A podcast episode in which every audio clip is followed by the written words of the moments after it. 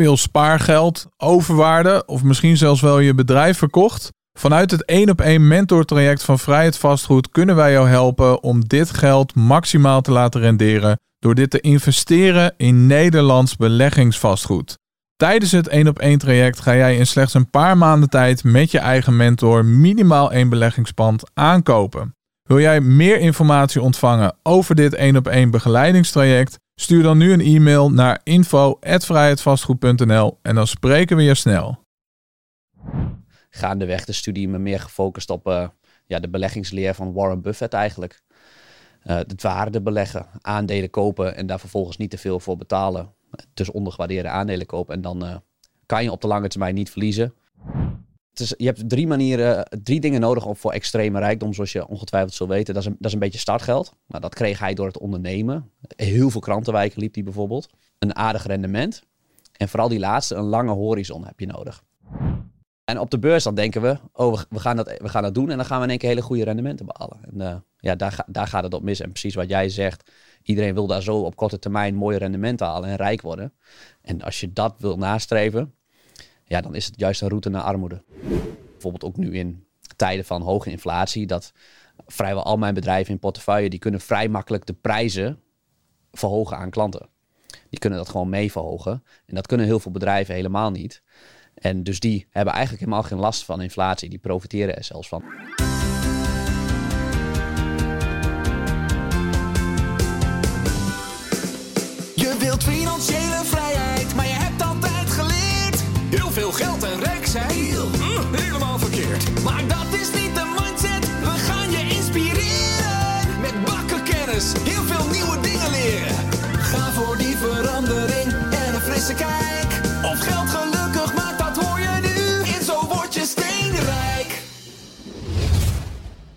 Ja, of geld gelukkig maakt, dat hoor je nu in Zo Word Je Steenrijk. En vandaag hebben we een eh, heel interessant onderwerp waar we het nog niet heel vaak over gehad hebben in Zo Word Je Steenrijk. Dus hoogste tijd om dat te gaan doen. We gaan het namelijk vandaag vooral hebben, niet alleen, maar vooral over aandelen. En dat doe ik met mijn gast van vandaag, want die zit al sinds zijn vijftiende in aandelen. Verloor eh, veel zuurverdiend geld van zijn krantenwijk eh, in aandelen vlak voor de crisis.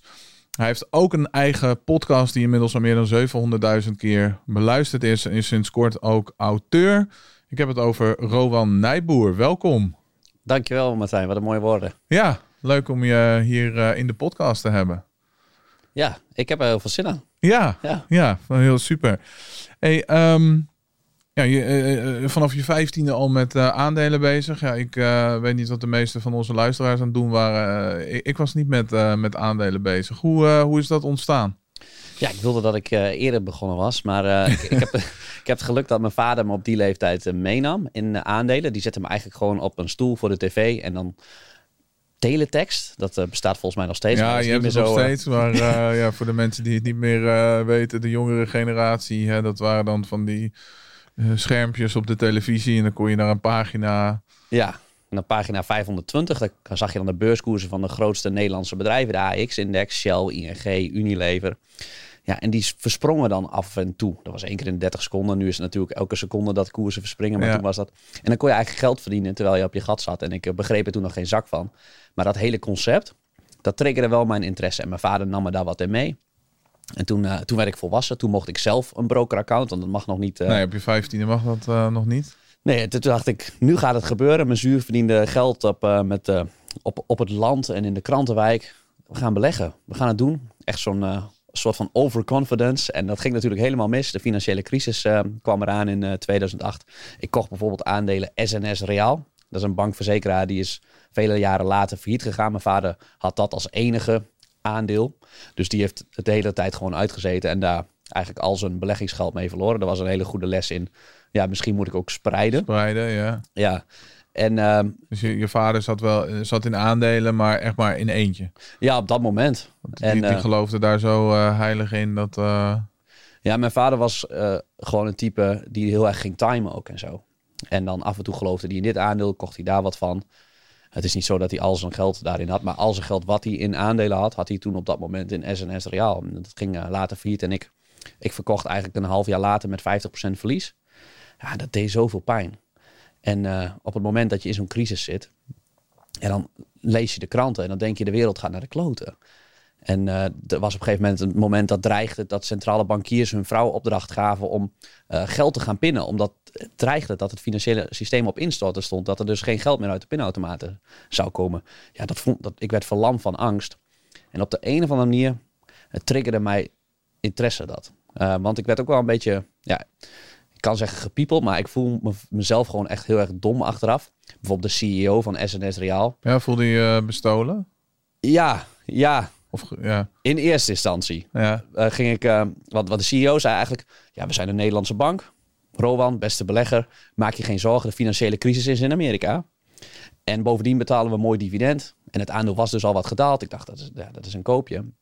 Maar het, ja, achteraf denk je dan, ja, wat stom was ik eigenlijk. Dat ik daar zomaar op eh, geloofde. Bovendien, zo'n CEO kan natuurlijk ook niet zeggen... ja, we staan op de rand van de afgrond. Want dan, nee, ja, dan is het dat een self-fulfilling prophecy. ja. Ehm, maar dat triggerde heel erg mijn interesse. En op die manier eh, mijn studie daarin aangepast. En eh, ja, 500 boeken over gelezen. En eh, ja, 500. ja, ja, inmiddels wel, ja. Ik wist niet eens dat er zoveel boeken over aan. Ja, het is wel best. Maar, Ja, nou, heel veel gaat veel, veel, veel Nederlandse, veel internationale boeken. Ja. ja, en heel veel gaat ook over heel veel biografieën van succesvolle ondernemers. Want ja, daar wil je ook graag op meeliften hoe, hoe bedrijven dat doen. Heel veel boeken over psychologie en sociologie, want het is heel veel menselijk gedrag. En eh, ik zeg al als beleggers eh, in aandelen althans, is 50% onderzoek. Maar 50% is ook mindset. Ja, interessant dat eh, ongeacht de belegging toch altijd dat stuk mindset weer naar voren komt. Hè? Ja, Want die Ja. mindset, daarmee wil je aangeven. eh, je verloor dus 50% van je op jonge leeftijd van je zuur verdiende geld op het land en de krantenwijk. ja, Ja, ik kan me voorstellen dat het merendeel van de mensen had gezegd van... joh, ja, weet je wat, die aandelen, dat hebben we geprobeerd. Eh, ik ben, ben, ben de helft van mijn geld kwijt en eh, dit werkt niet voor mij. Ik ga wat anders doen. ja. Maar toch was er bij jou iets waarvan je zoiets had van... ik wil dit, ik wil dit begrijpen. Of dat je er zo erg in geloofde. Of, of dat je minimaal die 50% wilde terugverdienen. Wat was het bij jou dat, dat daarvoor zorgde dat je er toch mee doorging dan? Ja, ik denk dat ik er een, gewoon een natuurlijke interesse voor had. En dat concept van geld verdienen en dat ik dat inderdaad terug wilde verdienen. En dat ik op dat moment begreep, oké, eh, met pokeren is dat wel zo'n bekende uitspraak. Als je na een half uur niet weet wie de, wie de sukkel aan tafel is, ja, dan, dan ben je het zelf. En ik besefte denk ik dat ik de sukkel was en ik wilde een betere speler aan tafel worden. En dat, ja, dat kan je alleen maar doen eh, door ergens eh, voor te gaan studeren en dat te leren. Ja, nou, dat heb je gedaan. En met succes, denk ik. Ik denk ondertussen die 50% wel wat je toen verloren had, weer ruimschoots is terugverdiend. Ja, dat is, dat is echt een lachertje als je daarop terugkijkt. En eigenlijk heel dankbaar dat je begint, je begint met een paar honderd euro. En dat je dan die 50% daling krijgt. In plaats van als je dat nu zou krijgen, door zo'n domme fout, doet dat natuurlijk veel meer pijn. Omdat je, ja, je kent het compounden wel, het samen eh, rente op rente effect. Ja, als je al die jaren bij elkaar optelt, en er zitten ook wel eens slechte jaren bij. De afgelopen 11 jaren gemiddeld 17,5%. En dat, dit jaar gaat het eigenlijk slecht. 2018 was slecht. Maar gemiddeld groeit dat aardig exponentieel, zo'n geldbedrag. Ja, dus het eh, leergeld wat je destijds betaald hebt, dat was relatief, eh, nou viel dat mee. Ja, Lie- ja. Liever 50% toen dan 50% nu. exact. Ja, ja. Hey, en ehm, wel- welke studie heb je gevolgd op dit eh, gebied? Finance, eigenlijk de werking van financiële markten. Want ik wilde begrijpen hoe dat financiële systeem in elkaar zit. En gaandeweg de studie me meer gefocust op ja, de beleggingsleer van Warren Buffett eigenlijk. Het waarde beleggen, aandelen kopen en daar vervolgens niet te veel voor betalen. Dus ondergewaardeerde aandelen kopen. En dan eh, kan je op de lange termijn niet verliezen. Mits de toekomst loopt zoals je voorspeld had. Nou, heel vaak loopt de toekomst heel anders bij een bedrijf zoals je voorspeld had. Ik zag bijvoorbeeld corona niet aankomen. Ja. Maar als je dan een bedrijf in de toerisme-industrie hebt, ja, dan, ga, dan gaat die eraan. Tijdelijk, blijkt wel. Want als je weer een sterk bedrijf hebt, dan kan die daar juist van profiteren. Ja, Maar eh, ja, daarom... trouwens dat, dat niet heel veel mensen corona hadden zien aankomen hoor. Maar eh, Nee, nee en, eh, ja, daarom spreid je natuurlijk. Daarom heb ik niet maar één aandeel in eh, portefeuille. ja. Hey, Warren Buffett. Er zullen ongetwijfeld heel veel luisteraars zijn die zeggen, ja, natuurlijk Warren Buffett. Hey. En, eh, maar er zullen ook wel zijn, hè, Warren Buffett. Eh, heel even voor die luisteraars, wie is eh, Warren Buffett? Ja, Warren Buffett, inmiddels 92 jaar, is nog steeds eh, CEO van het bedrijf. Heeft al 60 jaar belegd, gemiddeld 20% rendement per jaar. En eh, heeft 200 miljard eigenlijk bij elkaar belegd. En dat vind ik best wel bijzonder. Een En dat, vermogen van 200 miljard. ja, ja, hij heeft inmiddels 100 miljard weggegeven aan eh, goede doelen. En alles gaat uiteindelijk naar goede doelen. Dat vind ik ook wel inspirerend. Dus de kinderen krijgen wel een goede start in het leven. Maar het meeste, het meeste geeft hij gewoon weg. En eh, ja, Kijk, het is, je hebt drie manieren, drie dingen nodig om voor extreme rijkdom, zoals je ongetwijfeld zult weten. Dat is een, dat is een beetje startgeld. Nou, dat kreeg hij door het ondernemen. Heel veel krantenwijken liep hij bijvoorbeeld. En, en, en blikjes cola verkopen en dat soort dingen. Dus een beetje startgeld, een aardig rendement. En vooral die laatste, een lange horizon heb je nodig. Buffett heeft dan 200 miljard bij elkaar belegd, maar 99% daarvan kwam na zijn 65ste. En dat zegt eigenlijk alles over die exponentiële groei. die Exponentiële groei, ja. ja. Maar ja, die begrijpen heel veel mensen eh, niet. En ik denk dat, eh, nou we hadden het er net al, eh, hè, voordat we de opname starten, even over dat ja, tegenwoordig iedereen wil alles nu. Het moet allemaal zo snel. Weet je, mensen zijn niet meer, eh, ja, als je de jeugd ziet, die hebben niet meer die lange horizon. Hoe, ehm, ja, hoe kijk jij daar, eh, hoe kijk jij daar tegenaan? Hoe, hoe belangrijk is dat om dit juist wel te, te hebben? Of, Ja, ik denk dat het met alle facetten in het leven is goed om een lange termijn horizon te hebben. Met je gezondheid. Als je, als je nu naar de sportschool gaat, ga je geen resultaat zien. Als je na een maand zie je ook nog geen resultaat. Maar na een jaar of na vijf jaar en je gaat twee keer per week, dan ga je resultaat zien. En zo werkt dat ook eigenlijk op de beurs. Eh, veel mensen kopen een aandeel op het begin omdat ze van iemand horen: oh, je moet aandelen Tesla kopen. Of eh, die kijken een YouTube-fragmentje en kopen op basis daarvan een aandeel. En veelal op gevoel. En ja, het is heel grappig dat mensen in één keer heel erg, vooral mannen hebben er last van, heel erg ego gedreven worden op de beurs. We denken het allemaal beter te weten. Eh, Terwijl als, als je bij Mike Tyson in de ring stapt, kan best even goed gaan, maar uiteindelijk krijg je klappen. Als je daar ongetraind in de ring gaat staan. En ook stel als ik heel getraind was, dan kreeg ik nog klappen. ik denk dat je heel snel knock-out eh, gaat zelfs. Ja. Ja. ja, en op de beurs dan denken we, oh, we, gaan dat, we gaan dat doen. En dan gaan we in één keer hele goede rendementen behalen. En eh, ja, daar, ga- daar gaat het op mis. En precies wat jij zegt, iedereen wil daar zo op korte termijn mooie rendementen halen en rijk worden. En als je dat wil nastreven, ja, dan is het juist een route naar armoede. ja. Snelle route naar armoede. Maar waar gaat het dan eh, precies mis? Wat, wat zijn de grootste fouten die jij eh, ziet dat er ge- gemaakt worden? Nou, bijvoorbeeld het verwachting van beleggen in aandelen. Aandelen als categorie doen de afgelopen 200 jaar gemiddeld 7% na inflatie. Dus iets meer, eh, iets van 10% na inflatie. Nou, inflatie is nu misschien een heel actueel onderwerp. Ondanks wereldoorlogen, wereldepidemieën, financiële crisissen, 7% per jaar. En dan als iemand net begint, dat doet dan een, een indexfonds, zoals dat heet. De wereldwijde aandelenindex, die doen dat gemiddeld. Er zijn natuurlijk aandelen die het beter doen en aandelen die het veel slechter doen. Maar veel mensen verwachten als ik een training geef, die zeggen, wat, vraag ik wat voor rendement verwacht je? Ik verwacht 20% per jaar. Nou, en dan beseffen ze eigenlijk niet dat je daarmee, als je dat de komende 20 jaar zo gaat zijn, dat je de beste belegger in aandelen ter wereld bent. Ja. Beter dan Warren Buffett.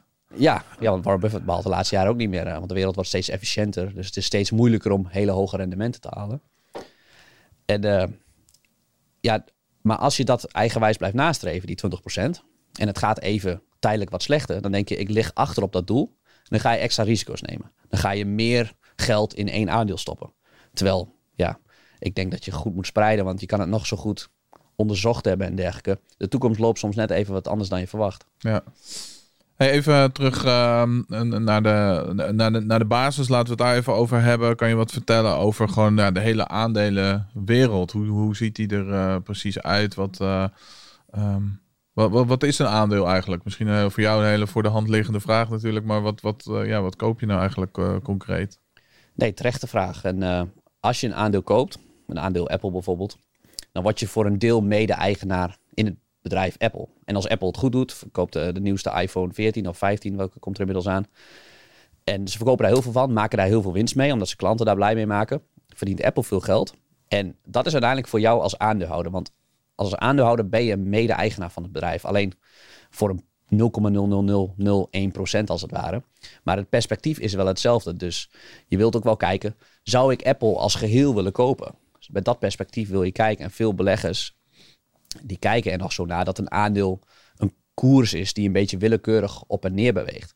Maar op de korte termijn gaat het inderdaad willekeurig op en neer. Als er slecht macro-economisch nieuws is, ja, dan dalen ze wat en de ene keer gaat het wat omhoog. Maar op lange termijn volgt de beurskoers de ontwikkeling van de winst van het bedrijf. Dus als het bedrijf veel winst maakt, Ja, zal de beurskoers het uiteindelijk goed doen. ja oké. dus die volgt dat eh, met enige vertraging vaak? Of hoe? Ja, ja en vaak duurt het even voordat bijvoorbeeld beleggers zich realiseren: wow, Apple, dat is echt een fantastisch bedrijf en dat gaat nog veel meer winst maken de komende jaren. Of heeft net recent weer nieuwe cijfers aangekondigd die geweldig waren. En dan gaan ze dus die aandelen kopen. Omdat daar in de toekomst bijvoorbeeld meer dividend komt. En op die manier wordt die beurskoers uiteindelijk door ja, vraag en aanbod eigenlijk omhoog gedreven. Ja, want je hebt eh, nou ja, gewone aandelen en je hebt eh dividendaandelen. Welke van de twee ben jij trouwens? eh, of of heb, je, heb, je, heb je allebei? Heb je daar een voorkeur, voorkeur in? Ja, ik heb, ik heb ze allebei. En het is, het is afhankelijk per bedrijf. Een, een volwassen bedrijf, ik heb geen aandelen Ahold, maar Ahold kennen we van Albert Heijn. eh, heeft niet zoveel groeimogelijkheden. Nou, die maakt heel veel winst en die gaat het allemaal uitbetalen.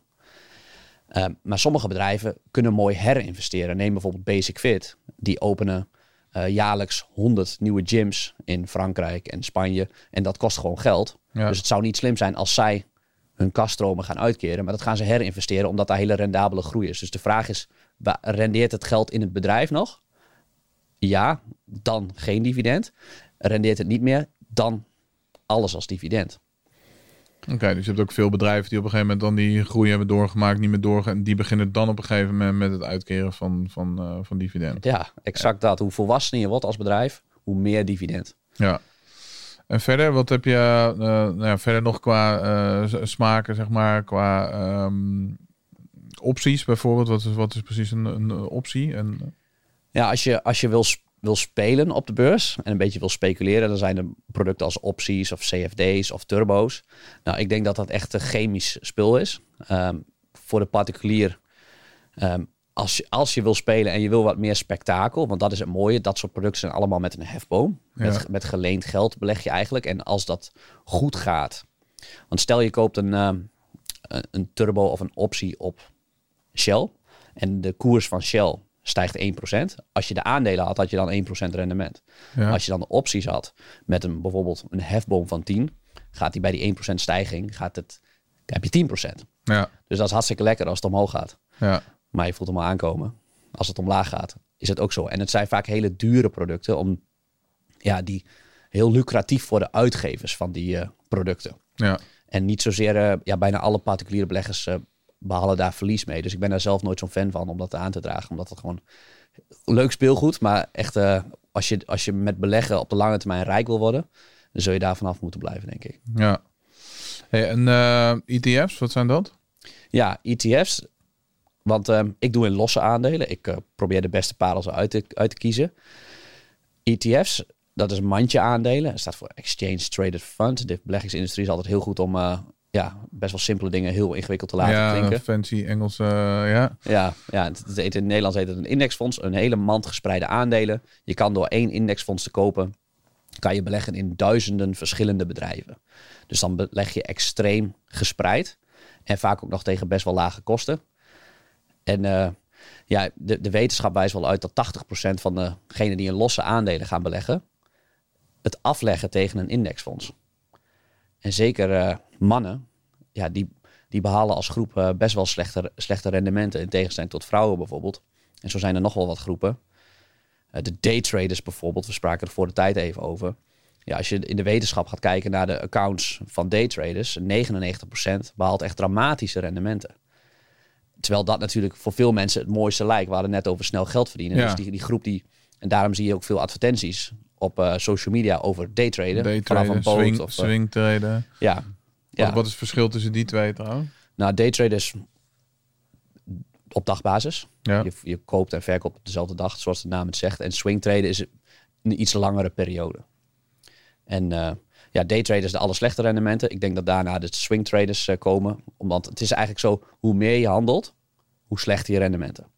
Heeft dat er ook mee te maken met eh, de fees die je telkens betaalt? Of? Ja, dat is een factor inderdaad. Want je hebt transactiekosten en dergelijke zijn dan veel hoger. Maar ook dat we onszelf als mensen overschatten.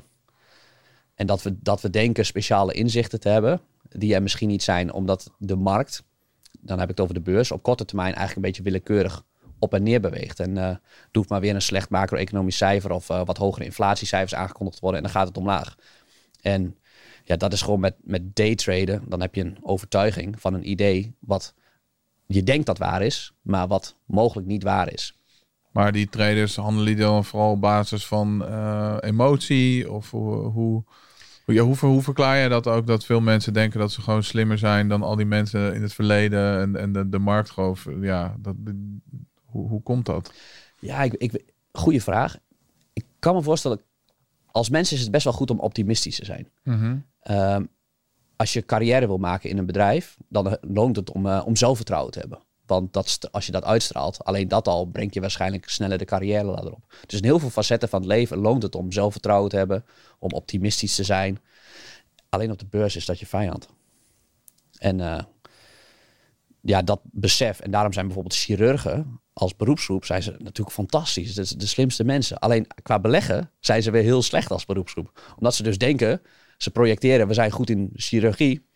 Oh, dan zullen we ook wel goed zijn op de beurs. Terwijl dat gewoon een ander vak is. Ja. Net als ik niet in mensen moet gaan snijden. Nee, lijkt me niet heel eh, nee, handig. Ja. Ja. En, en hoe verklaar je het verschil dat, dat mannen slechtere beleggers zijn dan vrouwen, zei je net, toch? Ja, Hoe verklaar je dat? ja, mannen hebben te veel last van ego. We, we, we willen te graag eh, op een feestje vertellen dat een aandeel het goed heeft gedaan. Ehm, en als het een aandeel fout heeft gedaan, dan filteren we dat uit ons geheugen. Dan bestaat dat zo, zogenaamd niet. Mannen ehm, denken ook altijd in dat ze een hoger rendement behaald hebben dan dat ze in werkelijkheid behaald hebben. En ehm, ja, het is een stukje ego. En ehm, vrouwen zijn veel nuchterder. Die kunnen ook, durven ook een keer verlies te pakken. Als bij een man een aandeel in de min staat, gaan ze vaak eh, double down. Kopen ze gewoon bij en dan hopen ze dat dat goed komt. En eh, ja, er gaan ook best wel veel aandelen naar nul op de lange termijn. Dus dat is dan een strategie voor eh, financiële armoede. En vrouwen zijn daar, eh, zijn daar veel relaxter in. En die hebben wat minder ego. En ja, die hoeven ook wat minder die spanning op te zoeken. Voor mannen is het soms ook een beetje competitie, een beetje stoer doen. Ja, en dat is gewoon heel gevaarlijk. Ja, eh, we zeiden het eh, net al even tegen elkaar van dat, dat ik het toch het idee heb of dat nou met aandelen is of met crypto of met vastgoed, dat voor veel mannen toch een beetje ook wel dat stukje spanning is. Wanneer ben je nou aan het gokken en wanneer ben je nou echt aan het beleggen? Ja, Dus wanneer eh, ja, is het gewoon inderdaad verstandig om zo je vermogen op te bouwen? Zit er, eh, of wanneer denk je van, nou, dit is gewoon, kan het geld beter weggeven aan een goed doel, net als Warren Buffett? Of, eh, Ja, ja voor mij is, is het verschil in wanneer ben je aan het investeren. Kijk, jij hebt vastgoed gekocht en daar komt een kaststroom uit. Dat is een productieve asset, zoals dat heet. Ik weet niet of Rich Dad Poor Dad, volgens mij staat dat ook wel in zulke boeken ongetwijfeld. Een aandeel is een, is een, eh, een bedrijf eigenlijk. En een bedrijf maakt winst. Daar komt ook een kaststroom uit en dat heet dan dividend. En dat is voor mij investeren. Als je iets koopt als de bitcoin, nou, er kunnen andere redenen voor zijn. En veel mensen zijn het natuurlijk niet met me eens. Maar de bitcoin, dat mag. ja, natuurlijk, daarvoor zitten we hier toch om Ja. mensen te helpen Ja. verschillende perspectieven te geven. Ja. En de bitcoin is, is over tien jaar nog steeds de bitcoin. En ondanks de fantastische technologie en dergelijke, gaat bitcoin nooit dividend betalen of een kaststroom uitkeren. En daardoor ben je altijd afhankelijk van de, ja, zo heet het, de greater fool theorie. Je bent afhankelijk van iemand die daar in de toekomst meer voor gaat betalen. En dan, dat voelt voor mij als speculeren. En dan ben je niet aan het investeren, want je bent afhankelijk van een persoon in de toekomst die meer gaat betalen eh, voor een bitcoin. En ja, dat heb je ook met categorieën als opties en turbo's. En ook met grondstoffen bijvoorbeeld. Een klompje goud is over tien jaar nog steeds een klompje goud. En je mag hopen dat er dan iemand is die, die er meer voor betaalt. Maar een klompje goud aan zich genereert niks. En dan, Nee. dat is voor mij een onzekere factor. En ik wil, ik wil die kaststromen zien, dat er echt geld binnenkomt. En dat is denk ik bij vastgoed ook zo aantrekkelijk. Ja, zeker. Ja, dat vind ik wel een van de, dat het eh, nou ja, baby's maakt elke maand een cashflow. eh, ja, Oh, die heb ik nog niet eerder gehoord. ja, nee, je wil graag dat je geld eh, weer, weer geld, geld produceert. Dus ja. Hey, ja, ja, je hoort natuurlijk zeker in deze tijd, eh, ja, je moet spreiden, spreiden, spreiden. Jij kiest er echt voor om eh, juist eh, nou ja, te focussen en je doet ja, qua investeringen echt alleen aandelen, toch? Ja, ja, klopt. En Is dat omdat je nou ja, daar echt eh 100% in gelooft? Dat denkt van ik heb beh- behalve dat niks nodig. Is dat de focus? Ja, ik, toen Bill Gates en Warren Buffett, die, eh, dat, dat, zijn, eh, dat zijn besties, dat zijn vrienden, die ontmoeten elkaar in eh, 1991. Want de vader van Bill Gates had een soort van feestje georganiseerd. En die vroeg toen aan alle deelnemers op dat feestje: wat is nou de be- belangrijkste factor voor je succes? En Buffett zei zonder twijfel focus. En Bill Gates zei ook focus. En ja, ik geloof daar sterk in. Ik heb mijn 10.000 uur daarin gemaakt. En ik geloof heel, dat het heel erg belangrijk ook is dat je belegt in je, in je circle of competence, heet dan. Iets wat je begrijpt.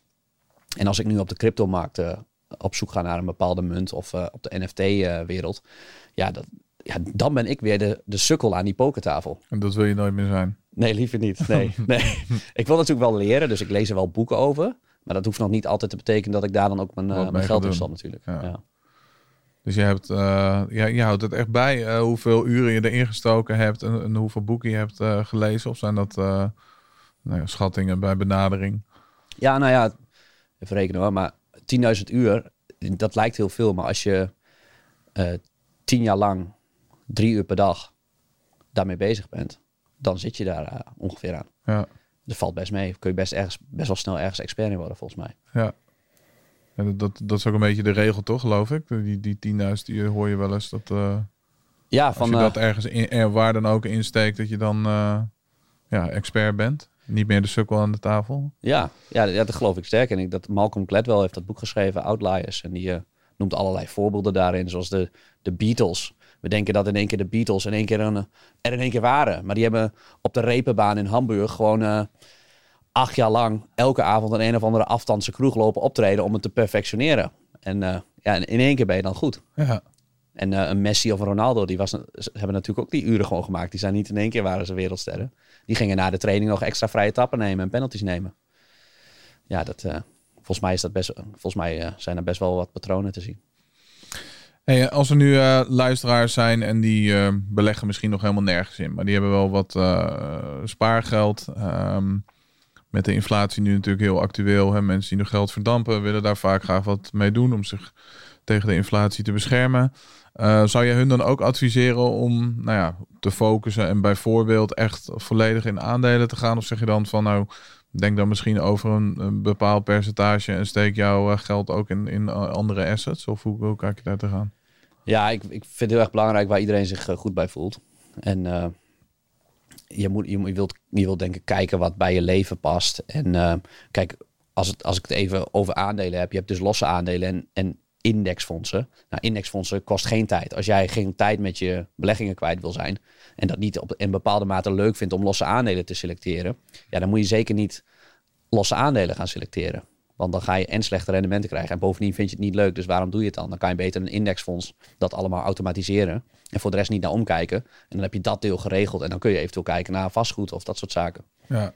Dus eigenlijk als je nou ja, wil dat het gewoon redelijk rendeert en dat rustig en veilig is, je niet al te veel tijd eh er mee kwijt eh, moet zijn, dan zijn eh, die indexfondsen, die ETF's, eh, misschien automatisch maandelijks met de dollar cost averaging eh, methode. Exact Is dat, dat ja. wat je dan eh, voor de nou ja, gemiddelde Nederlander adviseert, om het zo maar te zeggen? Ja, ja ik, ik mag het natuurlijk niet adviseren. Maar als ik zou index beleggen, zou ik het inderdaad zo doen. De eerste maandag van de maand om 10 uur s ochtends inloggen bij je broker. En eh, een indexfonds kopen. Ja.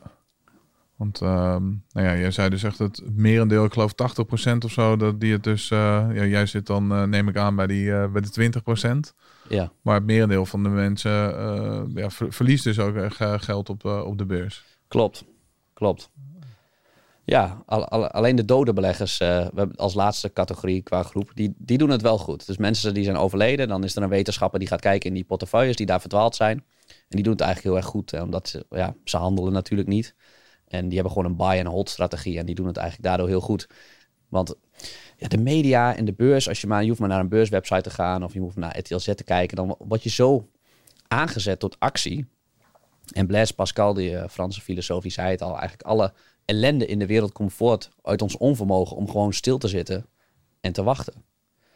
Maar ja, sommige, alle mooie dingen in het leven kosten gewoon tijd. Tijd. Ja, Ja, mooie uitspraak. Hè? De dode beleggers zijn, eh, zijn de, beste, de beste beleggers. En, en de aap met zijn dartpijltjes, toch? ja, Ook een ja. goede, goede belegger.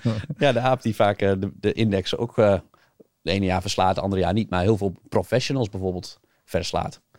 En dat mensen die dus fulltime daarmee met beleggen bezig zijn, die gemiddeld ook niet zulke goede rendementen halen. Het ver- verbaasde mij dat jij eh, zei dat je. ehm, nou ja, jij, investeert dus in, in eh, losse aandelen. Eh, ja, ik ho- hoorde bijna altijd. Ik vind dat opmerkelijk, want nee, je hoort meestal mensen zeggen van ja, spreiding, die ETF's, dat is gewoon veiliger. Maar ik, ik dacht, nou ja, als je dat doet, dan investeer je in, in heel veel aandelen. Maar jij kiest maar drie aandelen per jaar, zei je. Ja, ik heb tien aandelen, tien bedrijven in portefeuille. En dan koop ik er gemiddeld zo'n drie per jaar. Ja, dat bestaat mijn jaar uit. En eh, die koop je er dan bij en dan eh, sommige verkoop je dan, dus dat het eh, rond die 10 blijft? Of groeit het elk jaar met... met Nee, de bedoeling is dat tussen de 10 en 12 blijft. Dus inderdaad, ik wil sowieso niet meer dan 12. Dus als ik een nieuwe koop, dan zal er ook wat uit moeten. ja. Ja. En wat me dan ook weer verbaast is de hoeveelheid tijd die je daarin steekt om te bepalen of je ja, wel of niet in een, in een aandeel gaat, gaat investeren. Want over hoeveel uur hebben we het dan? Ja, ik heb als vuistregel dat er, voordat ik een nieuw bedrijf koop, dat ik daar 100 uur studie in stop. En eh, ja, ik geloof heel sterk wat het eh, over focus. Maar als je, ja, zo, iedereen probeert zoveel mogelijk beslissingen te nemen. Ik probeer het om te draaien, zo weinig mogelijk beslissingen te nemen. En ik geloof dan als je daar extreme focus in aanbrengt, dat je betere beslissingen gaat nemen. Want beleggen is het nemen van beslissingen. En die wil je optimaliseren. En als dat minder beslissingen zijn, kan je er beter over nadenken. Ja. Nee, nu eh, hoor ik mijn luisteraar denken, 100 uur? Gewoon eh, wat, eh, wat onderzoek je allemaal? Waar, waar kijk je naar? Waar let je op? Ja, dat is, dat is een deel uit het verleden van het bedrijf. Dat zijn, is die jaarverslag en die jaarrekening. Dat zijn, elk jaar is dat een document van zo'n 150 pagina's. Ja, Maar, met allerlei accountancy taal. Dus ik, ja, ik heb dan ook genoeg... ik, ik, ik spreek die taal. Dus als je losse aandelen gaat kopen... wil je eigenlijk ook een, een, een balans kunnen lezen... of een winst- en verliesrekening. Eh, want cijfers uit het verleden zijn soms een indicatie voor de toekomst. Dat hoeft niet altijd, maar eh, dat wil je bestuderen. Ja, wat je ook wil bestuderen is... We hadden het aan het begin over SNS Real en de CEO. eh, wat niet zo goed ging. nee. Maar je wil het management, want je geeft, als je een aandeel koopt, geef je als het ware je geld aan dat management van het bedrijf. En ja, Ja, dat, je- dat is precies wat ik zo, zo spannend, eh, wat mij zo spannend lijkt aan, aan, aan, aan aandelen. Hè, dat je er, behalve het goede onderzoek wat je aan de voorkant doet, eh, ja, beperkte controle of invloed op, eh, op hebt. ja, ja. En daarom wil je dus heel goed die karakters van die mensen onderzoeken. Je gaat alle interviews van de afgelopen tien jaar terug eh, googlen. Er staat best veel vaak online. Hebben ze wat ze in het verleden gezegd hebben, hebben ze dat waargemaakt? Of vaak CEO's, dat zijn toch een beetje, een beetje haantjes en zo. Eh, als het dan slecht gaat bijvoorbeeld, dus ze hebben iets niet waargemaakt, dan geven ze het weer de schuld of zo. Peter Bed ken je wel, misschien dat bedrijf. Ja, Nou, de CEO zei een paar jaar achter elkaar, we hebben slecht weer gehad. En daardoor zijn de cijfers zo slecht. Ja, dat kan best een keer zo zijn, maar op een gegeven moment is het, is het klaar toch? ja, En eh, dus, dus die wil je heel erg goed bestuderen. En wat je ook denk ik wil, is bijvoorbeeld, wat voor mij heel belangrijk is, is dat de, de CEO bijvoorbeeld zelf ook heel veel aandelen in het bedrijf heeft. Want dan gaan ze veel meer beslissingen nemen die ook in het belang van mij als aandeelhouder zijn. En dat vind je bijvoorbeeld ook in het jaarverslag. interessant. Dus je hebt voor jezelf echt een, eh, nou ja, na al die boeken die je gelezen hebt en al die uren die je erin gestoken hebt, eh, een strategie bepaald van hoe jij aandelen doet. Ehm, is, is die strategie al nou ja, eh, vele jaren geleden gevormd en hou je daar nog steeds aan vast? Of is die veranderd in de loop der jaren? Ja, het, het verandert. Het verandert. Je wordt, eh, je wordt langzaam leer je dingen. En langzaam pas je hem ook meer aan op wat bij jou, wat bij mijn leven past. Ehm, ja, vroeger ging ik, toen ik begon, ja, toen ik echt begon, deed ik maar wat. Dus dat is, eh, maar daarna, toen ik een beetje dacht, ging ik meer ehm, wat saaiere volwassen bedrijven kopen. Een Shell, een Ahold. Ehm, maar op een gegeven moment denk je, ja, met die bedrijven kan je haast geen indexfonds verslaan. En ja, ik steek er wel zoveel tijd in. Het zou leuk zijn als ik dan ook een indexfonds verslaat en een beetje beloond word voor die tijd die ik Ja. stop. En eh, ja, dan ga je, ga je iets meer naar, beweeg je wat naar de beste bedrijven op deze planeet. eh, naar kwaliteit. En dat, dat helpt bijvoorbeeld ook nu in tijden van hoge inflatie. Dat vrijwel al mijn bedrijven in portefeuille, die kunnen vrij makkelijk de prijzen verhogen aan klanten. Die kunnen dat gewoon mee verhogen. En dat kunnen heel veel bedrijven helemaal niet. En dus die hebben eigenlijk helemaal geen last van inflatie. Die profiteren er zelfs van. En dat, dat maakt beleggen eigenlijk eh, in aandelen van die, in kwaliteit eigenlijk. Ja, Ja, ik denk dat het, eh, misschien is dat met vastgoed ook zo, kwaliteit. Ook, eh, ik, ik nam vroeger altijd, toen ik student was, eh diepvriespizza's ja, bij de Albert Heijn. Dat is dan, eh, ja, ik heb nu gecorrigeerd, nu, voor, nu in euro's is het, eh, betaal je daar 1,50 voor. Ja. Een avocado betaal je ook 1,50. Maar vroeger vond ik die ene, dan kreeg je veel meer waarde. De pizza krijg je een hele maaltijd voor. En- pizza, ja. ja, en, en nu denk ik, ja, als je, als je gaat denken in kwaliteit in keuzes maken, ja, moet je natuurlijk altijd voor die avocado gaan. Interessant, ja. Hey, en ehm, die, ehm, dus, dus heb je eigenlijk dan voor jezelf een soort van echt een, een, een checklist die je afgaat, neem ik aan, in dat 100, 100 uur onderzoek voor dat, eh, voor dat aandeel, voordat je dan bepaalt of je die, eh, die koopt of, eh, of niet. Dus zaken die je net benoemde, zoals dat de CEO zelf aandelen moet hebben in een bedrijf. Bedrijf moet, daar had je een mooi woord voor, dat ze van de inflatie, dat ze daar, hoe, hoe noem je dat ook weer? Pricing power. Pricing power. Dat zijn zo een aantal eh, indicatoren waar het aan moet, eh, moet voldoen. Ja, ik, ik maak eh, sterk gebruik van een checklist. Ik heb een hele uitgebreide en een wat eh, simpele. Want die uitgebreide, uit mijn ervaring, is dat voor de meeste particulieren is dat wat te complex. Ehm, maar die, ja, een checklist helpt heel erg om je beslissing te rationaliseren. Ik bedoel, als een piloot gaat opstijgen, dan moet ook alles, alle vinkjes moeten aanstaan. Dus je gaat alles af. Heb ik overal aan gedacht. Ja, En dat doe je bij een aandeel ook. En nadeel is dat bij een piloot alles op groen moet staan voordat hij mag opstijgen. En dat bij een aandeel nooit alles op groen staat. Het is altijd wel iets wat niet klopt. Want stel dat alles op groen zou staan, dan is het misschien overpriced of zo. En dan staat die op rood. Eh, dus dat maakt, het, eh, dat maakt het zo'n mooie puzzel. Je moet al die factoren gaan meewegen. En dan uiteindelijk tot een eh, beslissing komen. dus dan heb je eigenlijk die checklist en dan staan er merendeel hopelijk op, op groen. Misschien één of twee op, op rood en een paar op eh, oranje. Moet ik dat zo eh, zien? Zijn er ook soms bij dat nog kan veranderen of dat je dan misschien nog wat nader onderzoek daarna moet doen? Ja, ja. En dat- ja, zo'n checklist helpt me ook van, oh, ik heb hier nog niet genoeg onderzoek naar gedaan. Oké, want ik doe dat checklist pas eigenlijk ja, een uur voordat ik eigenlijk beslis om te kopen. Dan ga ik daar doorheen. En dan kan, als je goed onderzoek hebt gedaan, dan doe je dat vrij snel. Maar soms kom ik achter, oh, hier heb ik eigenlijk helemaal niet naar gekeken. Dan ga je weer terug naar de tekentafel. Ja. En eh, nou, uiteindelijk heb je dan heel veel aandelen, 100 uur gestoken, maar die worden het dan niet. Nee, meestal gaat het niet door, nee. Wat, wat, wat is het percentage wat het niet, eh, niet wordt? Moeilijk te zeggen. En soms haak je natuurlijk ook al na 10 uur af of na 20 uur. En soms wat verder in het onderzoeksproces. Ehm, ja, dus, dus dat verschilt heel erg. Dat verschilt. En eh, nou ja, drie per jaar, die halen het, eh, die halen het dan wel. Drie babytjes. ja, en, en dat is soms dan eh, verspreid over het jaar, maar het kan ook soms zo zijn misschien dat je de drie binnen een paar weken eh, eh, vindt. Klopt. Heb je, heb je dan ook echt voor jezelf een stelregel, als, als jij ze in januari al gevonden hebt, ik noem maar wat, dat je dan de rest van het jaar niks meer mag kopen van jezelf? Nee, het zou kunnen dat in, in januari... nee, nee, dat niet. Nee, geen regel in. En het, het is zoals het komt. En ja, heel vaak zet ik bedrijven die ik bestudeerd heb wel op mijn favoriete lijst. Omdat de prijs bijvoorbeeld op dat moment niet goed is. En dan, omdat je ze al wel bestudeerd hebt. Elk bedrijf wordt wel een keer aantrekkelijk. Nou, dan duurt het een paar jaar, maar dan in één keer daalt die beurskoers fors. En je hebt je onderzoek al gedaan en kan je dan gelijk toeslaan. En als dat toevallig allemaal in dezelfde maand gebeurt. Ja, oké. Zo je zit be it. in de, in de wachtkamer. In de- Dus in de al- alles klopt Ja. behalve de, de prijs om de aandelen te, Ja. te kopen. Ja, ja. Hey, wat je net noemde, is dat het, eh, het, hele eh, spel om eh, de, de index eh, te verslaan? Is dat, eh, is dat het doel? Dat je het eh, beter doet dan, eh, dan de index? Ja, het is, het is voor mij persoonlijk eh, wel een beetje. Dat is het competitie-element. Je wil wel een soort van. Ik wil gewoon graag weten of ik het goed doe. En als ik de index niet versla, betekent dat ik slecht doe. Betekent dat ik me moet verbeteren. Of misschien gaan index beleggen. Nou ben ik eh, daar wel een beetje eigenwijs in. Als ik de komende elf jaar niet ook de index versla, dan weet ik niet of ik ga index beleggen. Maar dan ga ik het misschien nog steeds doen. Omdat het gewoon. Het is gewoon heel erg leuk om eh, bedrijven te bestuderen. Het houdt je ook jong en het houdt je scherp. Je blijft op de hoogte van de nieuwste technologieën. Alleen, ja, ik denk niet dat het bedrijf, dat beleggers, eh, ik, zou, ik raad dat niet in training aan om dat als graadmeter te doen. Je wil gewoon een goed rendement halen op de lange termijn. En de ene heeft een wat ander doel. Eh, een jonge iemand heeft een heel ander doel dan een wat oude iemand. Een oude iemand wil misschien juist bijvoorbeeld juist helemaal niet de index verslaan en juist beleggen in bedrijven als Ahold, die wat Ja. volwassener en veiliger zijn. Ja.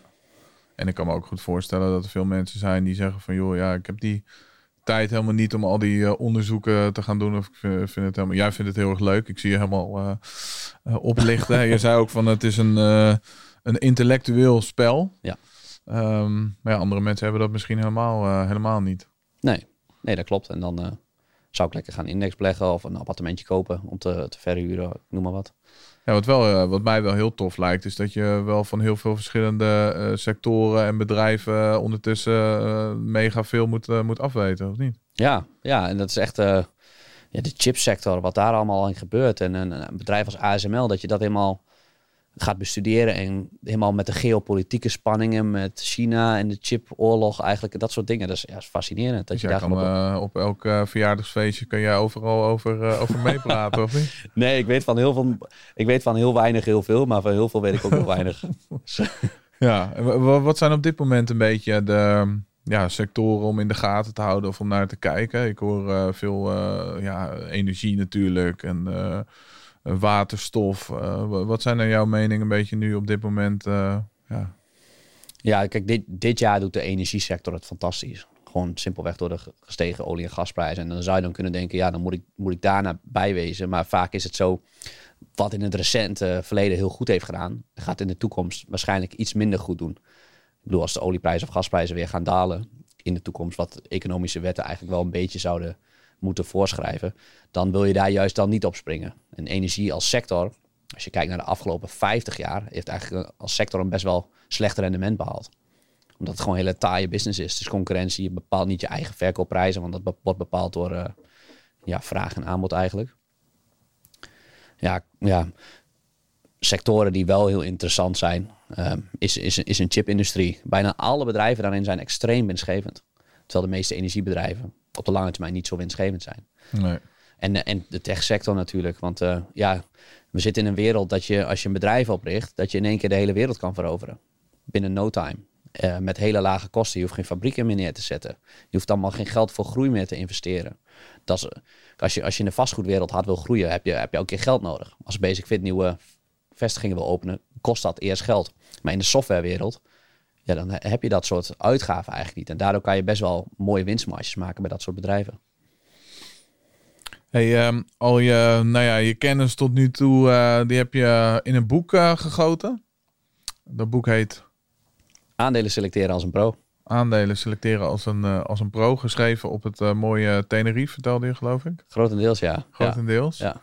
Wat, wat, wat kunnen mensen daarin allemaal terugvinden? Wat gaan ze daar allemaal leren in dat, in dat boek? Ja, het gaat eigenlijk voor mensen die beleggen in losse aandelen leuk vinden. Ehm, maar de meeste, wat ik net zei, behalen eigenlijk slechte rendementen die dat doen. Omdat ze gewoon maar eigenlijk wat doen. En ik wil degene die, die dat leuk vindt, toch eigenlijk een systeem bieden voor mooie rendementen op de lange termijn. En wat ook past bij het leven. Dus niet die extreme 100 uur eh, wat, wat ik dan doe, maar gewoon dat je, met, dat je een leuke portefeuille kan opbouwen. Dat systematisch doet. Je houdt je aan, aan ja, er zit een checklist bij van 10 checks eigenlijk. Eh, waar je best wel makkelijk zelf onderzoek naar kan doen. En dat, eh, dat geef ik mee. En wat ik ook deel is eigenlijk alle fouten die ik de afgelopen 20 jaar heb gemaakt. Want eh, Super ja, leerzaam. ja, ja. En als ik ze teruglees, dan denk ik, oh wat pijnlijk, wat dom van mij. Maar goed, het is denk ik goed om op te schrijven. Ja, wil je een tipje van de sluier oplichten? Wat, wat zijn een paar van je grootste fouten waarvan je nu denkt van... Oh, Ja, hoe lang hebben we nog? Maar eh, dus, eh, ja, SNS Reaal noemde ik al. Ik kocht eh, bijvoorbeeld ook in 2011, toen ik dacht een beetje te kunnen beleggen, een uranium mijnbouw ETF. Dus dat één product wat dan alleen een uranium mijnbouw ETF. nu komt het, is het weer een beetje hot, maar de ETF is zelf sindsdien met eh, 99% gedaald. Ik verkocht met eh 30% verlies of zo, omdat toen kwam die kernramp Fukushima. En toen was uranium in één keer eh, niet meer eh, cool. En toen heeft ook Duitsland en zo, en daar merken we nu de problemen ook van, Duitsland gezegd, we doen de kerncentrales dicht. ja. Eh, waren ze nog maar wat meer, dan hadden we niet misschien die hoge energieprijsproblemen gehad. Want dan had je daar wat, was je minder afhankelijk van Rusland bijvoorbeeld.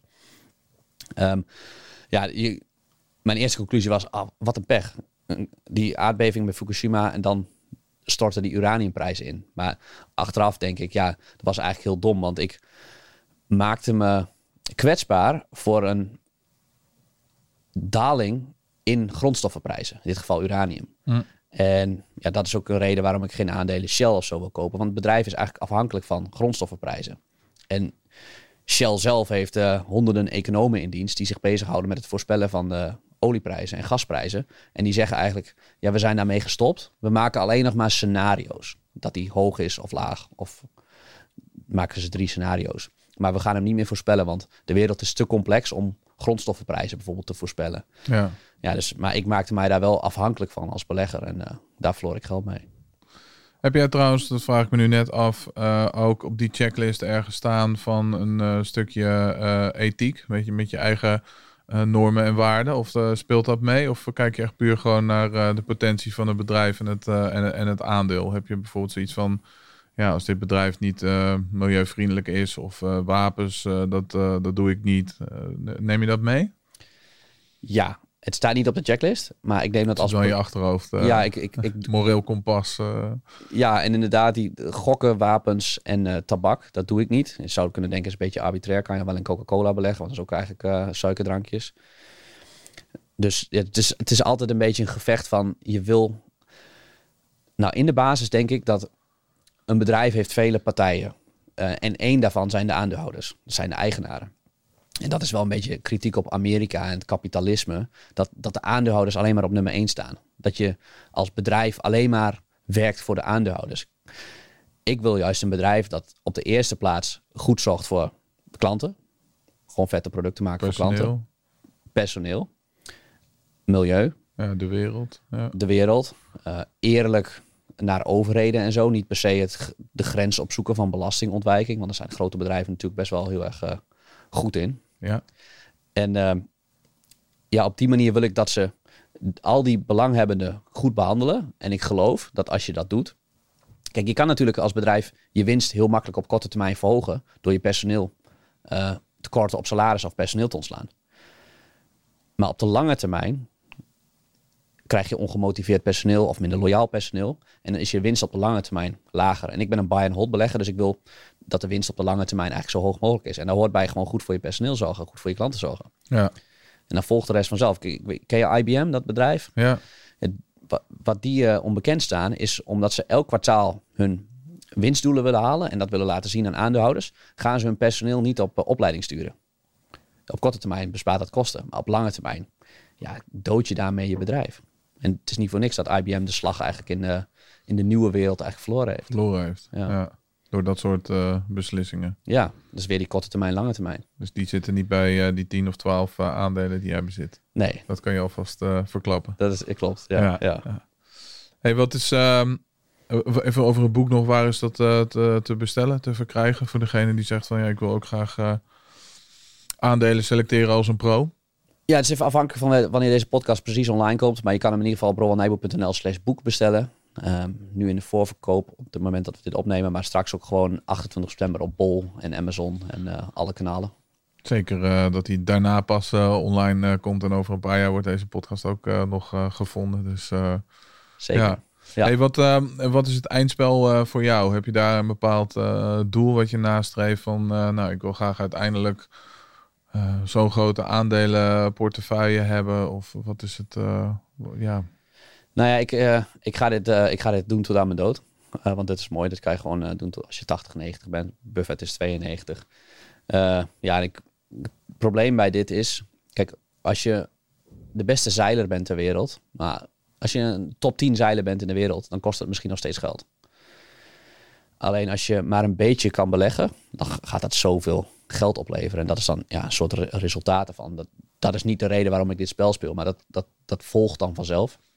En eh, ja, ik wil dat een keer ook allemaal weggeven. Maar ik heb nog heel lang om daarover na te denken. Want ik wil dat exponentiële laten groeien. Ik wil die sneeuwbal eigenlijk eh, laten groeien. ja, net als eh, Warren Buffett, dat je op een gegeven moment dat, die exponentiële groei en dan gewoon alles lekker weggeeft. Ja, ik- kijk, Warren Buffett heeft wel eens gezegd... Ik quote hem iets te veel in deze podcast. Maar hij heeft wel eens gezegd... Wij hebben hier eh, de baarmoederloterij gewonnen. Dat wij hier gewoon... eh, hij in Amerika, maar wij in Nederland... Dat we het geluk hebben dat we... Ja, ik, ik, ik ben hier aan het praten en ik eh, verdien, verdien mijn geld met mensen helpen met beleggen.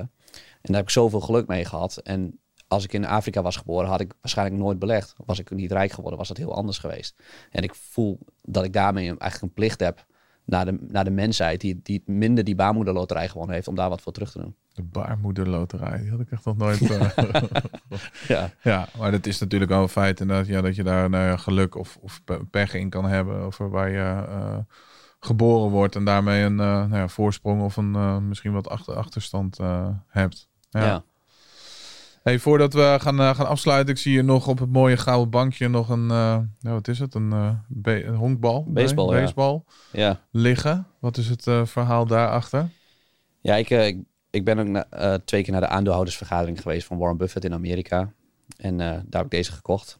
En eh, eigenlijk gaat het over deels over beleggen, maar deels denk ik ook over het leven. Ehm, als je honkbal hebt, je kan natuurlijk elke keer slaan als die bal eraan komt vliegen. Bij honkbal is, is wat gelimiteerd, want dan komen drie, vier ballen en dan ben je uit. Ehm, op de beurs kan je eigenlijk onbeperkt krijg je een aandeel Shell aangeworpen, aandeel Philips, aandeel ING. En je kan elke keer denken, nee, nee, niet. En ehm, dus je kan, dat is het gekke bij beleggen. Iedereen kijkt alleen maar omhoog hoeveel rendement te behalen valt. Terwijl het denk ik draait om omlaag te kijken naar de risico's. En het zo vaak mogelijk nee zeggen. Nee zeggen op elke bal. En af en toe, als er een eentje zo'n uh, zo'n fat pitch aankomt, Ja. dat je dan goed toeslaat. En dan, eh, dan moet je erbij zijn. En die kansen die komen er. Ik denk dat het ook zo in het leven is. Dat je, wat ik zei met die focus, dat je de meest succesvolle mensen zeggen denk ik op heel veel dingen nee. En dat leidt ertoe dat ze zo goed zijn in wat ze doen, omdat ze de rest niet doen. Ja. Maar het is best wel lastig. En je zegt alsof het heel makkelijk is. Maar mensen hebben toch het idee dat als ze nee zeggen, dat ze bepaalde kansen juist eh, zichzelf ontnemen. Of dat ze eh, die willen veel makkelijker. Ja, nee, leuk. Ja, doe ik. Of dat. En dan tegen zichzelf eh, ja, aanlopen tegen het feit dat ze maar 24 uur in een dag hebben. Of eh, Ja, ja. Is, is, is mega lastig. Is ook een grote uitdaging voor mij. En dat, eh, ja, dat, dat is iets wat altijd zal blijven. Want je wil ook bijvoorbeeld andere mensen niet per se teleurstellen. Je wil graag aardig doen. En mensen misschien wel pleasen, mensen helpen. Alleen als je iedereen probeert te helpen, help je uiteindelijk niemand.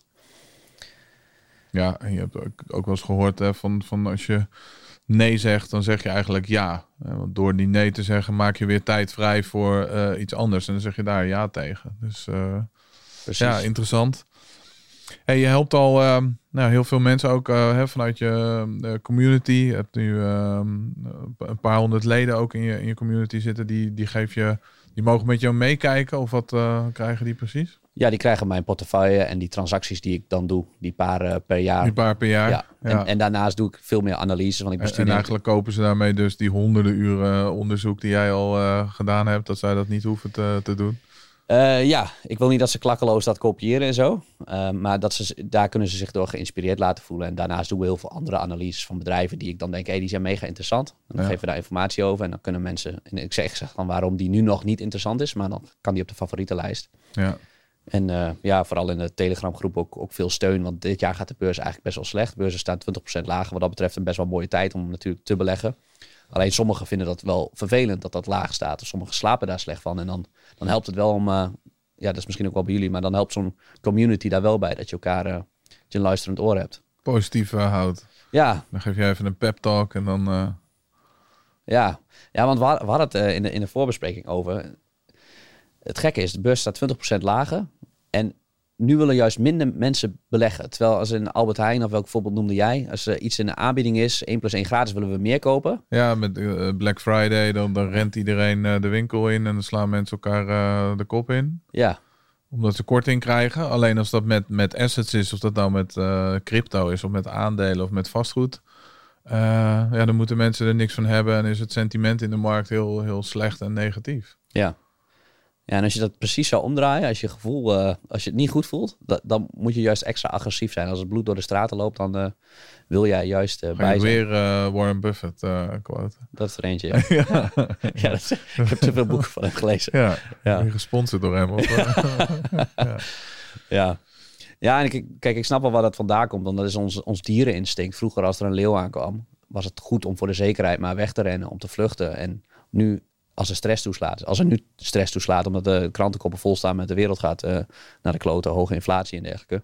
Ja, dan is dat diereninstinct wat weer geactiveerd. En onder stress willen we weg. Dus onze aandelen verkopen. Ja, dus da dat zit er nog in. Ja, nee, het is ook een aparte tijd natuurlijk in de markt met eh, de hoge inflatie en, en eh, de oorlog in de Oekraïne. Heb jij het idee dat ook in de aandelenmarkt nou ja, veel mensen zoiets hebben van joh, ja, ik ga gewoon even aan de zijlijn eh, even zitten kijken hoe dit eh, zich gaat eh, ontwikkelen? Ja, je merkt dat wel, ja. Ja, dat, dat speelt toch mee in de gedachten van de mensen. Ik denk dat dat geen slimme strategie is, want als je wacht tot het weer alles goed is, de lucht blauw is, ja, dan staat ook alles al gelijk alweer veel hoger. Dus dan Ja. ben je eigenlijk te laat. En er zijn ook wel van die wetenschappelijke onderzoeken er gedaan. Als je de, als je de beste dagen mist, dus je hoopt eigenlijk als het wat beter is, maar die beste dagen, als het nu gaat het best wel slecht en straks gaat het in één keer weer beter. Als je die dagen mist, want die mis je dan dus als je de kat uit de boom gaat kijken, ja, dan eh, blijft er niks over van je rendement op de lange termijn. Nee. Nou ja, wellicht dat veel mensen ehm, ja, ook toch wachten tot het nog slechter gaat. En eh, de, de- ja, toch de markt gaan timen en dat ideale inkoopmoment willen toch weer denken slimmer te zijn dan eh, iedereen. Ja, ja. En ja, ik, het- een quote van, eh, niet van Buffett, maar van Kahneman. Dankjewel. van eh, Ons Veilbare Denken, dat boek. Die zegt eigenlijk, it's, it, it's not about timing the market, but it's about time in the market. Ja. En dat is, eh, die ken je vast, maar die, ja, dat gaat je rijkdom op de lange termijn bepalen. En niet dat je nu per se op het dieptepunt weet te timen om dat goed te hebben. Want mensen die timen, ja, die wachten soms ook nog eens van, die denken ook, nu is het dieptepunt. Nee, morgen. Nee, dan. En dan, ja, voor je het weet is het weer voorbij en beleg je nooit. Nee, precies. Dat perfecte moment, dat, eh, dat komt nooit. Of, of nou ja, goed, ze denken inderdaad van als het aan het zakken is, dan wachten ze tot het nog verder zakt. Of dat het stijgen is, dat het nog verder. Maar dan ben je vaak gewoon alweer eh, ja, te laat. Ja. Hey, een laatste tip voor mensen die al eh, in aandelen zitten of in aandelen willen. De, de gouden tip van, van Rowan. Begin gewoon. Begin gewoon. Even de voeten, voeten in het water. En ja, je zult ontdekken hoe, eh, hoe leuk dat wordt. En eh, ja, het, het, het is iets fantastisch. eh, want je kan gewoon, terwijl je zit, kan je daarmee je geld verdienen door je, door je kopie te gebruiken. Ja, terwijl jij hier de, die podcast op zit te nemen, of wij, hebben we allebei geld verdiend. Ja, Jij Ja. met aandelen en ik met, eh, met ja, vastgoed. ja zo, zo, Ik hoorde zo- de kassa al rinkelen in de verte. in de ja. gouden munten. Ja, Ja. dus gewoon beginnen. Dat Ja. is het eh, belangrijkste. En niet eh, de markt gaan timen en afwachten en Ja, en, overanalyseren. Ja, en, en, en wees bescheiden. Ken jezelf heel goed. Want elke vorm van eh, overconfidence, ehm, ook als het een paar keer goed gaat op de beurs of een tijdje goed gaat, besef dat er ook een geluksfactor voor een deel in kan zitten. Ik bedoel, als je drie keer op goal schiet, drie keer in de kruising, op een gegeven moment ga je denken dat je het goed bent. Hè? En dat is ook het gevaar op de beurs. Als je drie keer een aandeel koopt, dan ga je geloven dat je de koning bent. Terwijl er best wel een factor geluk in kan zitten op de korte termijn. Ja, maar ik denk ook, eh, als je kijkt naar de laatste paar jaar, ja, dan leek het net alsof iedereen de beste belegger was. Maar de markt zat natuurlijk echt, eh, het maakte niet uit wat je deed, maar eh, het ging omhoog. Ja. Eh, niet, alleen binnen de aandelen, maar ook binnen de, en, en nu het dan wat minder gaat, ja, dan zie je wel dat het kaf van het koren gescheiden wordt. Ja, ja. En in, in dit soort markten wordt je karakter getest als belegger. Ja. Mindset, toch die 50%. Ja, ja. Dus de cirkel weer rond. We hebben nog een, eh, een mooie weggever voor de, de luisteraars van de, van de podcast. Die eh, graag nou ja, de eerste stappen hierin eh, willen zetten en met aandelen aan de slag eh, willen. Wat, eh, wat is dat precies? Ehm, een checklist. Ehm, gemaakt voor de particulier met 10 checks eigenlijk om op die manier een bedrijf te kunnen analyseren. Klinkt mega interessant, super. Dus dat is jouw eh check. Want je had er twee, geloof ik. De- dit is de, de light versie. De, Ja, ik heb er een met meer dan 100 checks. Nou, als je luistert en je bent wat eh, ervaren en mail ons, dan krijg je hem gewoon toegestuurd. Maar die- ik zou beginnen met die van 10 checks als je net een beetje begint met aandelen. Of dat al een tijdje doet. Want, dat, ja, want anders wordt het te, te grote stap ineens. ja. En ehm, daar zit ook nog eh, bij, een, eh, dat de- wilde je ook graag eh, weggeven, een, masterclass, toch? Ja, als je het, als je, ja, dan die masterclass die krijg je ook. Die doen we als weggeven, ja. Ja, En, dat, en dan laat ik zien, want in een boek is dat wat moeilijker, hoe je een bedrijf analyseert. Maar dan laat ik zien via video hoe je dat eigenlijk zelf vanaf je computer een bedrijf analyseert. We gaan Agenda lopen, dat kennen we denk ik misschien wel, de Nederlandse Agenda. Eigenlijk een van de mooiste bedrijven van Europa. Ja zie jij dat zo? Ja, ja wat, ze, wat ze gebouwd hebben is echt, eh, is echt fascinerend. Dat ze dan zo dat eh, de hele betalingsmarkt eigenlijk eh, op zijn kop zetten. En dat is een hele lucratieve markt. Want er gaat, als je van elke transactie een heel klein beetje kan pakken die er gemaakt wordt in de wereld, heb je een heel fascinerend businessmodel. Ja, zeker. Oké, nou wil jij die eh, checklist met eh 10 checks eh, hebben en de masterclass krijgen en ook meer informatie hebben natuurlijk naar het boek aandelen selecteren als een pro en waar je dat boek kan bestellen. Zo word je steenrijk.nl schuine streep checklist. Dat is de link om naartoe te gaan. Laat even je naam en je mail achter en dan ontvang je dat allemaal netjes in je mailbox. Dus zo word je steenrijk.nl schuine streep checklist. Rowan, dankjewel. Hij zit er alweer op. Dankjewel Martijn, ik vond het leuk. Bedankt voor je tijd en al je, je uitleg en eh, enthousiasme. Jullie weer heel erg bedankt voor het luisteren en graag tot de volgende.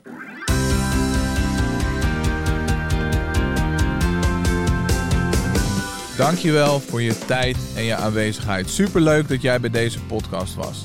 We hebben ook een website www.zowordjesteenrijk.nl. Daar kan je alle oude afleveringen terugvinden en terugluisteren. Je kan je abonneren op onze nieuwsbrief en daarmee krijg je heel erg veel waardevolle financiële tips. En we hebben heel erg veel speciale acties en kortingen met onze gasten. En welke Nederlander houdt er nou niet van korting? Vergeet natuurlijk niet om je te abonneren op deze podcast. En dan zien we je heel erg graag weer volgende week bij een nieuwe aflevering van Zo Word Je Steenrijk.